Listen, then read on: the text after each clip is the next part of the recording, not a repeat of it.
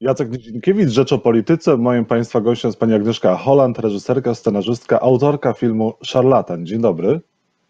Dzień dobry, dzień dobry Państwu.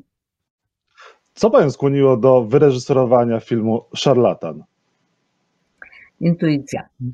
To znaczy skłoniło mnie to w pierwszym rzędzie, że e, scenarzysta i producentka posłali mi scenariusz i to było po, po mojej pracy nad takim mini serialu i normacji cze, czechosłowackiej e, pod tytułem Gorejący krzew. To zrobiłam dla europejskiego HBO i to było tak dobre doświadczenie, e, bo ja, żebyście Państwo wiedzieli, jak gdyby jestem taką honorową Czeszką w pewnym sensie, bo tam studiowałam, spędziłam tam 5 lat i bardzo ważne lata i dla Czechosłowacji, i dla mnie. Więc y, to doświadczenie gorącego krzewu było tak dobre, że z takim pozytywnym nastawieniem przeczytałam ten y, scenariusz, kolejną propozycję i nagle zobaczyłam, że tam się spotyka jakby w taki tajemniczy sposób mnóstwo wątków, które, y, które gdzieś się przebijały przez moje poprzednie filmy i które mnie gdzieś interesują, są takimi pytaniami, które sobie stawiam już od, od, od właściwie od początku niemal mojej pracy. Y, no więc to będzie ciekawa przygoda. Y, z tym, że od momentu decyzji do momentu rozpoczęcia pracy upłynęło 4 czy ponad 4 lata, y, bo miałam inne zobowiązania i zrobiłam w międzyczasie dwa inne filmy fabularne i kilka seriali.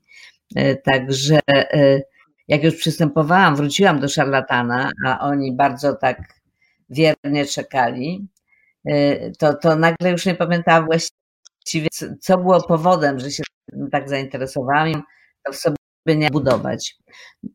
No ale właśnie wydaje mi się, że ten film przyszedł we właściwym momencie dla mnie i, i być może nie tylko dla mnie. Niesamowita historia, oparta oczywiście na, na faktach o, o zielarzu, który pomagał, ratował życie ludziom. Ja oczywiście nie chcę zdradzać e, zbyt dużo, bo historia jest wielowątkowa i też jest film niesamowicie poruszający do tego stopnia, że ja w niektórych e, momentach to właściwie maseczkę na oczy musiałem naciągać. E, robi wrażenie kino, także gratuluję i przede wszystkim gratuluję tego, że film ma być czeskim kandydatem do Oscara. No właśnie, to jest taka miła niespodzianka w tych smutnych czasach, e, ponieważ decyduje o tym cała Aka filmowa, czyli nie wiem ilu tam jest dokładnie członków, ale ponad kilkaset osób, więc to jest taki dowód jakby uznania i zaufania ze strony e, moich kolegów i koleżanek. I ponieważ nie jestem jednak Czeszką, mimo, mimo tej e, duchowej, że tak powiem, bliskości, no to to świadczy o takim nie, nie, nie nacjonalistycznym podejściu, bo to jest zawsze ważne, jednak e, ten reprezentuje kraj. Oczywiście w związku z tym, w związku z tym, że właśnie jestem czeską kandydatką, e, to się spotkam z polską kandydatką w tym wstępnym konkursie o, o shortlist i nominację, czyli z Małgosią e, Szumowską i jej filmem w tym roku nie będzie śniegu. Nie jestem w stanie zapamiętać tego tytułu, ale bardzo pięknym filmie, filmem, który był, e, reprezentował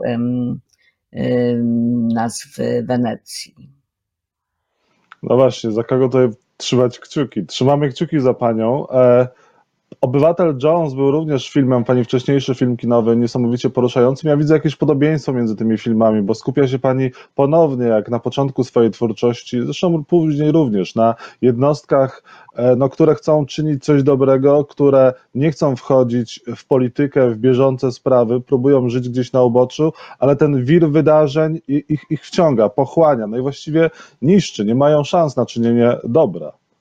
Skąd tego typu właśnie tematyka u Pani wciąż jest aktualna?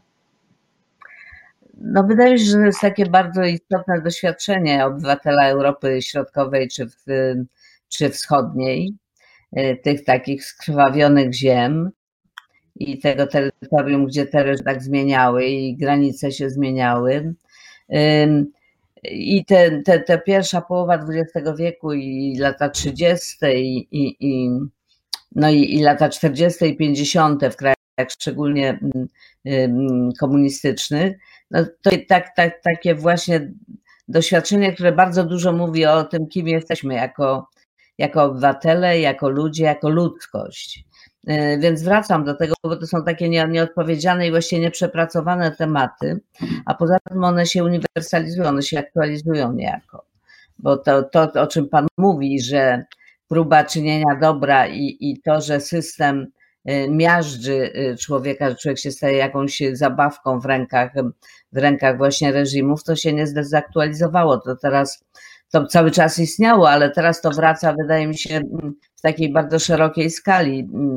W momencie, kiedy na świecie zaczynają e, rządzić różne autorytaryzmy na dokładkę mafijnie powiązane z, z różnymi interesami. No, jeżeli chodzi o dziennikarzy, a no, obywatel Jones to był taki mój trochę trybut dla tego zawodu, Y, to ilość dziennikarzy śledczych, czy dziennikarzy, którzy opisują prawdę, y, którzy dochodzą do faktów niewygodnych dla władzy, y, którzy padają ofiarą i płacą życiem za tę, za tę walkę, za to po prostu wykonywanie zawodu uczciwe jest ogromna w takich krajach jak, jak Rosja oczywiście, ale nie tylko. Mamy przypadki niedawne młodych dziennikarzy czy dziennikarzy w ten sposób stracili życie w krajach Unii Europejskiej. Myślę o Malcie, myślę o Słowacji Janie Kuciaku, który był dziennikarzem badającym powiązania władzy rządu słowackiego z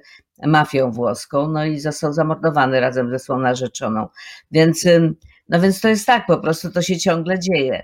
Jeżeli się opowiadamy o przeszłości, jeżeli my na to z pewnym dystansem, to pewne rzeczy, pewne zjawiska, pewne mechanizmy się układają w jakiś taki sposób y, bardziej wyrazisty i łatwiejszy do złapania, bo ta współczesność się dzieje strasznie, strasznie szybko, jest płynna, trudno uchwycić, trudno uchwycić to, co jest z niej najistotniejsze. Pani zrobiła film, który według mnie jest absolutnie doskonały. Widziałem go e, ale obawiam się, czy inni będą mieli go szansę zobaczyć, no bo jednak jest duża obawa przed chodzeniem do kina. W czasie pandemii premiery, premiery filmowe mają sens? No to jest takie troszeczkę pytanie, y, y, wybór między dżumą i cholerą, bo można powiedzieć, że nie mają y, sensu i rzeczywiście producenci jakichś dużych takich filmów czekają na lepsze czasy, ale w momencie, kiedy tego nowego w kinach, no to już ludzie w ogóle nie mają motywacji, żeby pójść do kin i wtedy te kina bankrutują i też zmieniają się nawyki odbiorcze i obawiam się, że to jest najbardziej że, że przez ten rok, czy ile będzie trwała ta pandemia, e, że ludzie się odzwyczają od chodzenia do kina, do teatru, może do teatru trochę mniej, bo to jest, nie, nie można tego niczym zastąpić. E, natomiast jeśli chodzi o kino, no to mamy teraz wszystkie termingowe i możliwości oglądania tego w domu, co za, zapewnia Państwa nie jest to to samo, to znaczy przeżycie jest zupełnie inne, no ale w każdym razie, mm, w każdym razie wydaje mi się, że trzeba próbować. Ja akurat mm, poza szarlatanem y, w Polsce, który wyszedł w tym momencie, kiedy ta pandemia niebywale przyspieszyła w naszym kraju, y, to miałam szczęście, bo na przykład obywatel y, Jones otworzył się, miał się otworzyć tuż przed pandemią we Francji, gdzie miał potencjalnie bardzo dobre przyjęcie, bo były świetne recenzje na starcie i bardzo dobre reakcje na przedpremierach. No i właśnie to kina trzy dni przed tym, jak miał wejść do nich, ale otworzono go, dystrybutorzy go otworzyli, zdecydowali się go wypuścić pierwszego dnia, y, kiedy otworzono kina i to w takim zdwojonej liczbie kin. No i film zrobił tam wspaniały rezultat i tak samo Szarlatan w Czechach. Y, amerykańscy dystrybutorzy od Watla Jonesa zdecydowali się puścić go jednak w tej sytuacji i też y, y, uplasował się bardzo wysoko na wszystkich platformach, na których został umieszczony. Także właściwie to był duży sukces, również, również w odbiorze, w odbiorze krytycznym. I zobaczyłam pierwszy raz w Stanach z obywatelem Jonesem, że film wypuszczony w sieci może mieć taką samą, a nawet większą prasę, czy, czy medialne takie pokrycie niż film wypuszczony w kinie. Więc to się po prostu zmienia. No ale ja jestem patriotyczna i, i bardzo bym chciała, żeby, żeby, znowu, żeby znowu ludzie wrócili do tych ciemnych sal. No właśnie, Nawet pytanie, czy... No właśnie, pytanie, czy pandemia nie wykończy kin, czy kina nie przejdą do przeszłości nie bardziej będzie się opłacało robić filmy dla takich platform e, internetowych, wypożyczalni internetowych. Zresztą jest pani między innymi e, autorką kilku odcinków e, House of Cards dla HBO. Tak.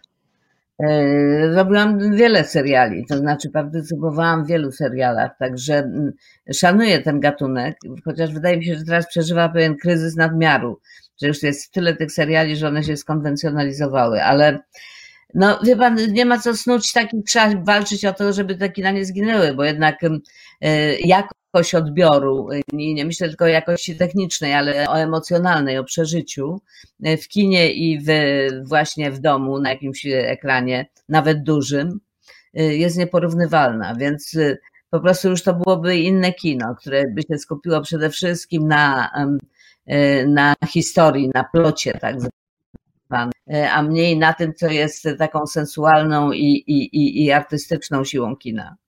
E, wydaje mi się, że żeby, żeby, żeby ludzie chcieli przyjść do kina, te filmy muszą być bardzo jakieś po prostu. Myślę, że musimy zacząć od, od tego, żeby poprawić jakość tego, co robimy.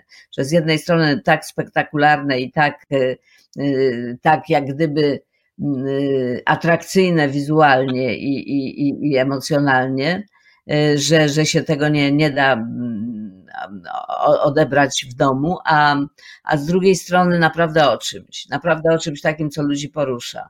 Jest za dużo filmów na świecie, y, które robimy, które są takie po prostu przeciętne, wygodne.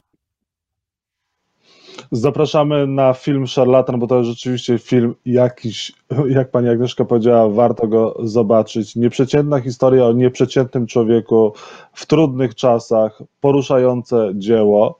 E, pani Agnieszko, Pani też e, e, przygotowywała, jeżeli mowa o serialach, serial Ekipa, pamiętamy, właśnie kilka odcinków House of Cards. Nie chciała Pani zrobić filmu, serialu, czegoś o bieżącej historii, najnowszej historii politycznej, również w Polsce, bo u nas też, jak pani widzi, jest burzliwie. Wie pan, bardzo, bardzo bym chciała i chciałam, nawet były takie próby podjęte przeze mnie i moi, moich współpracowników, moje współpracowniczki również, z którymi robię. E, e, no ale jest to bardzo trudne i to nie tylko dlatego, że trudno to złapać na rzeczywistość i napisać, ale dlatego, że bardzo trudno znaleźć na to mm, finansowanie, znaleźć chętną e, stację czy platformę telewizyjną, e, bo w takim spolaryzowanym świecie, w jakim żyjemy, e, kiedy pół Polski albo pół Ameryki, albo pół Wielkiej Brytanii ma bardzo wyraźny i bardzo taki tożsamościowy taki pogląd, a druga połowa zupełnie inny, to robiąc coś, co jest polityczne, a więc z natury rzeczy kontrowersyjne, z natury rzeczy jak gdyby Y, jakoś, jakoś kojarzące się bardziej z jedną albo z drugą stroną y, polityki, y, automatycznie odcina się połowę widowni. Więc, no więc po prostu ci, którzy dają pieniądze, po co im to? Wolą robić komedie romantyczne albo fantazy, albo jakieś takie rzeczy, a nie mierzyć się z tą taką bardzo trudną i kontrowersyjną współczesnością. I w Stanach jest to samo zresztą.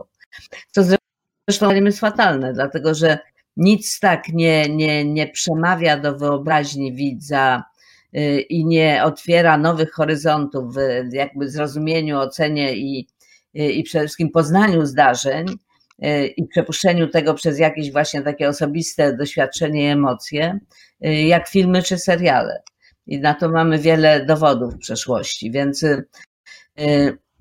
więc trzeba by będzie w jakiś sposób, jak finansować coś poza tymi takimi tradycyjnymi strukturami, bo w nich raczej się nie da. Y, no więc tak, no, po prostu, po prostu rozmowa o polityce poprzez, o współczesnej polityce przez, y, przez narrację audiowizualną jest utrudniona właśnie takimi przede wszystkim względami. No poza tą trudnością, o której mówiłam, że jak, jak to to zła. No ale jak, ja spędziłam lockdown w, we Francji, w swoim bretońskim e, miejscu i sobie założyłam, że ponieważ nagle mam takie jakby wakacje, bo nie miałam od lat takiej sytuacji, żebym czegoś właśnie nie robiła, nie miała wyjechać, żebym mogła pozostać w jednym miejscu dłużej niż dwa tygodnie, Więc powiedziałam sobie, że przeczytam książki, które, które mi się nagromadziły, że obejrzę seriale, których nie widziałam, że obejrzę filmów i starych i nowych. Tymczasem byłam cały czas podpięta do, do mediów, bo tam się odbywały te najbardziej pasjonujące seriale i tu myślę o serialu pod tytułem Pandemia, ale myślę też o serialu pod tytułem y, Polskie wybory prezydenckie, myślę o serialu pod tytułem Trump. Mnóstwo tych seriali się dalej toczy i one są przygnębiające na ogół i takie dramatyczne i jednocześnie, jednocześnie oglądając je ma się takie poczucie y, gniewu, bezradności, lęku, no różne są to uczucia. Y, I tak myślę sobie, no jak gdyby powstał taki serial, który byłby taką pozytywną i realną, to być może właśnie taki chcielibyśmy oglądać. Na razie go nie widzę. Kiedy pani wyjechała w PRL-u y, z Polski, no Polska była wtedy na ustach całego świata. Jak dzisiaj pani jeździ po Polsce, no teraz już mniej pani może podróżować jak wszyscy my, e, to ludzie pytają o Polskę albo mówią o Polsce w jakim duchu? Z jakimi komentarzami, pytaniami się Pani spotyka? Jak to było możliwe? Co się stało? Na, na czym to polega? To takie pytania zadają we Francji szczególnie, która myślę o takich nie tylko politykach, ale myślę o Francuzach zwykłych, którzy jednak mieli taki bardzo pozytywny obraz Polski przez ostatnie lata. Najpierw duże takie poparcie dla Solidarności i dla, yy, dla opozycji w tym czasie, a potem taka taki podziw, że Polska tak stanęła na nogi y, szybko i że się tak wspaniale rozwija i że jest to po prostu tak szybko stała się normalną demokracją. Normalną demokracją. Y, z tym, że mm, y, to, co się dzieje w Polsce, mm, jest odbierane jako takie rozczarowanie. Niektórzy mają Schadenfreude, Y, bo we Francji na przykład było bardzo dużo głosów wśród polityków, szczególnie y, przed 30 laty, że, że to nie jest dobry pomysł, żeby Polskę przyjmować do Unii Europejskiej, do tych struktur zachodnich ją włączać, że to jest taki kraj jakiś nie, niepewny. Y, I, I ci, którzy tak twierdzili, są teraz, zacierają ręce, że wyszło na ich. Oczywiście jest takie poczucie, że obecność Polski, że Polska że Polska w tej chwili jest takim wielkim balastem, że, że, że te mm, autorytarne tendencje, czy y, brak szacunku dla państwa prawa, czy brak szacunku dla mniejszości, dla praw człowieka, które w Polsce tak głośno realizowane, że to zatruwa niejako resztę demokracji, że to ma fatalny wpływ na, na, na takie jak gdyby zasady pewnych wartości. Więc to jest bardzo, bardzo taki silna tendencja, że ta Polska jest obciążeniem i że ta Polska staje się powoli w świadomości ludzi takim trochę faszyzującym kraikiem. Trochę jest takie podobne, podobny odbiór, jak był pod koniec lat 30. To znaczy, że Polska nie jest tym krajem, który warto się emocjonalnie angażować. Y, i nie tylko emocjonalnie oczywiście, bo za tym idą inne decyzje. I to jest coś zresztą, co, co, co, co, coś co było niebezpieczeństwem niemal od początku tej tak zwanej dobrej zmiany, y, y, dlatego że te tendencje antydemokratyczne, antyeuropejskie y, były bardzo wyraźne od początku i one teraz w tej drugiej kadencji się bardzo nasilają. No i oczywiście jest coś takiego, że Polska niestety się w Stanach Zjednoczonych, we Francji, w wielu krajach kojarzy z antysemityzmem. Y, I, i to, się, to się udało do pewnego stopnia jakby zmienić przez te lata pracy. Y, to wróciło z wielką siłą przy okazji tej idiotycznej ustawy o IPN-ie, gdzie te wszystkie demony właśnie powyłaziły z szaf. Y, no a teraz jeszcze ma mm, opinię kraju homofobicznego i w tak zwanych demokratycznych, z krajów Unii Europejskiej czy z krajów tej, tej, tej cywilizacji zachodniej, homofobia polska i to reprezentowana przez najwyższe organy państwowe, nie mówiąc już o Kościele katolickim, jest i w zupełnej sprzeczności z tymi, które które stały się, no, stały się rzeczywistością gdzie indziej. Już tego nie ma gdzie indziej. Oczywiście zawsze są środowiska, które są, reprezentują tego typu, tego typu fundamentalizm, ale to są środowiska, to nie są, nie są władze. To jest ogromna różnica, czyli ludzie są różni i są wśród, wśród obywateli wszystkich skrajna prawica jest i skrajna lewica i, i, i, fundamentaliści religijni i różni tam są. Pytanie jest, czy to oni nadają ton i czy to oni powodują, że obywatele tego kraju, mniejszości LGBT na przykład w Polsce, e, czują się zagrożone, nie czują się pełnoprawnymi obywatelami i czują się w niebezpieczeństwie takiej pogromowej przemocy, do której już w Polsce powoli zaczyna Y, zachodzić. Więc ten obraz Polski teraz jest zawstydzający i jest, y, będzie miał bardzo negatywny wpływ na naszą sytuację, jak to się zmieni. Oczywiście jest coś takiego, że na całym świecie te takie y, populistyczne władze, które często zmieniają się w jak w Brazylii na przykład, czy w Turcji, że one że one y, nabierają jakiegoś takiego rozmachu i nie wiadomo, czy po tej pandemii, czy ta pandemia i kryzys ekonomiczny i kryzys zaufania z tym związany y, nie wzmocni tej fali, czy nie będzie czegoś takiego jak po pandemii Hiszpanki, na przykład po I wojnie światowej, kiedy w dużym stopniu to gdzieś tam doprowadziło do, do kryzysu ekonomicznego i do, i do powstania faszyzmu. Więc jesteśmy w takim bardzo trudnym momencie i Polska tutaj nie jest taką samotną wyspą, wbrew temu, co się wydaje panu Kaczyńskiemu, y, która sobie może tak sobie, sobie rządzić, tak sobie się zachowywać bez konsekwencji. Y, I wszyscy jesteśmy właśnie i pandemia, i zagrożenie, czy katastrofa klimatyczna nam uświadomić muszą, że jesteśmy jednością, że jesteśmy jedną planetą i jedną ludzkością i że są to naczynia połączone nie da się odgrodzić tego murami, wbrew temu, co się wydaje mm, właśnie takim ludziom jak Trump, to po prostu nas dopadnie. To tak czy owak y, jesteśmy zależni od innych y, i nasz szacunek dla siebie i nasz szacunek dla innych powinny spotykać się właśnie w takim poczuciu y, wspólnoty. Wspomniała Pani o Jarosławie Kaczyńskim. On o Pani też e, wspominał często, no, może nie w najlepszych słowach, jako reżyserce e, pozytywnie, ale jako osobie, która komentuje naszą polską rzeczywistość już, e, już gorzej. Kiedyś powiedział, że Pani Holland powiedziała kiedyś nie tak dawno temu te słowa, które są tak często powtarzane, żeby było jak było, czemu sprzeciwili się artyści w Polsce, że no Jarosław Kaczyński zmanipulował te słowa. Jak to było? I, I, czy pani chce, żeby było jak było, czy jak, jak też pani chce, żeby było? Nie, te słowa powiedziałam na wiecu w, w kontekście Trybunału Konstytucyjnego.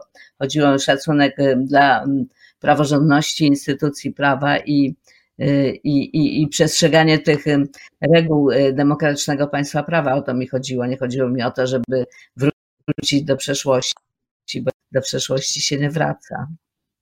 Mam też wiele mhm. krytycznych, e, krytycznych uwag pod e, adresem poprzednich e, ekip politycznych, czy poprzednich różnych działań, poprzednich decyzji, czy braku decyzji. Tak, jeżeli śledzi moje wypowiedzi, to wie, że również w okresie rządów Platformy Obywatelskiej bardzo że tak powiem, głośno krytykowałam różne, mm, różne mm, postępowania tej formacji. Więc, y, więc to nie chodzi o to, żeby, że, że istniała jakaś szczęśliwa kraina, do której trzeba wrać, y, wrócić, y, tylko żeby szanować prawo. I to jest taki podstawowy zupełnie, podstawowa zupełnie warunek podstawowy jakiejkolwiek demokracji, wspólnoty również międzynarodowej. Y, I to jest to, co y, pierwsze zostało zaatakowane przez tę ekipę. Oni zaczęli od rozmontowywania instytucji y, praworządności, od likwidowania de facto demokratycznego państwa prawa, no i posuwają się w tym kierunku bardzo konsekwentnie, spowolnieni przez opór odważnych prawników, sędziów, ale również adwokatów i, i, no i nawet jakiejś małej części prokuratorów, co już wymaga wielkiej decyzji. no nie mówię już o, o, o, ruchach, o ruchach ludności, które, która wychodziła na ulicę w obronie właśnie tych wartości, niedostatecznie być może, czy niedostatecznie długo, ale w każdym razie tutaj opór był, był duży i, i, i, i teraz widać, widać dość wyraźnie, dlaczego, dlaczego władze rozmontowały te, te instytucje w tym rzędzie i o, jaką, o jaki rodzaj bezkarności y, i, i, i, i, i manipulacji im chodzi. Mm, ostatnie mm, zdarzenia mm, z zatrzymaniem Giertycha są też takim jakby głośnym tego przykładem, ale tego jest, y, tego jest mnóstwo. No i zresztą nie, nie jest to pierwszy, pierwszy taki, który Y, który zaczyna od, y, od y, ataku na, na sędziów, na sądy, na Trybunał Konstytucyjny. Od tego się zaczynało większość takich przewrotów właśnie w latach 30. chociażby.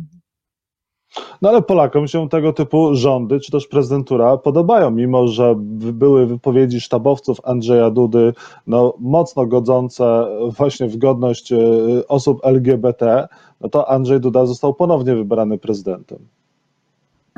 No wie pan, są pewne grupy, interesy zbieżne z interesy władzy i te grupy są dość liczne.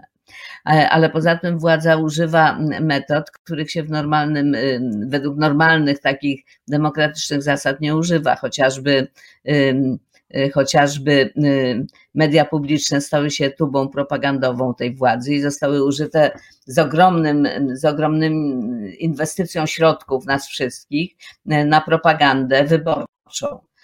Propagandzie wyborczej są też bardzo hojne prezenty dawane jakimś poszczególnym grupom, grupom społecznym.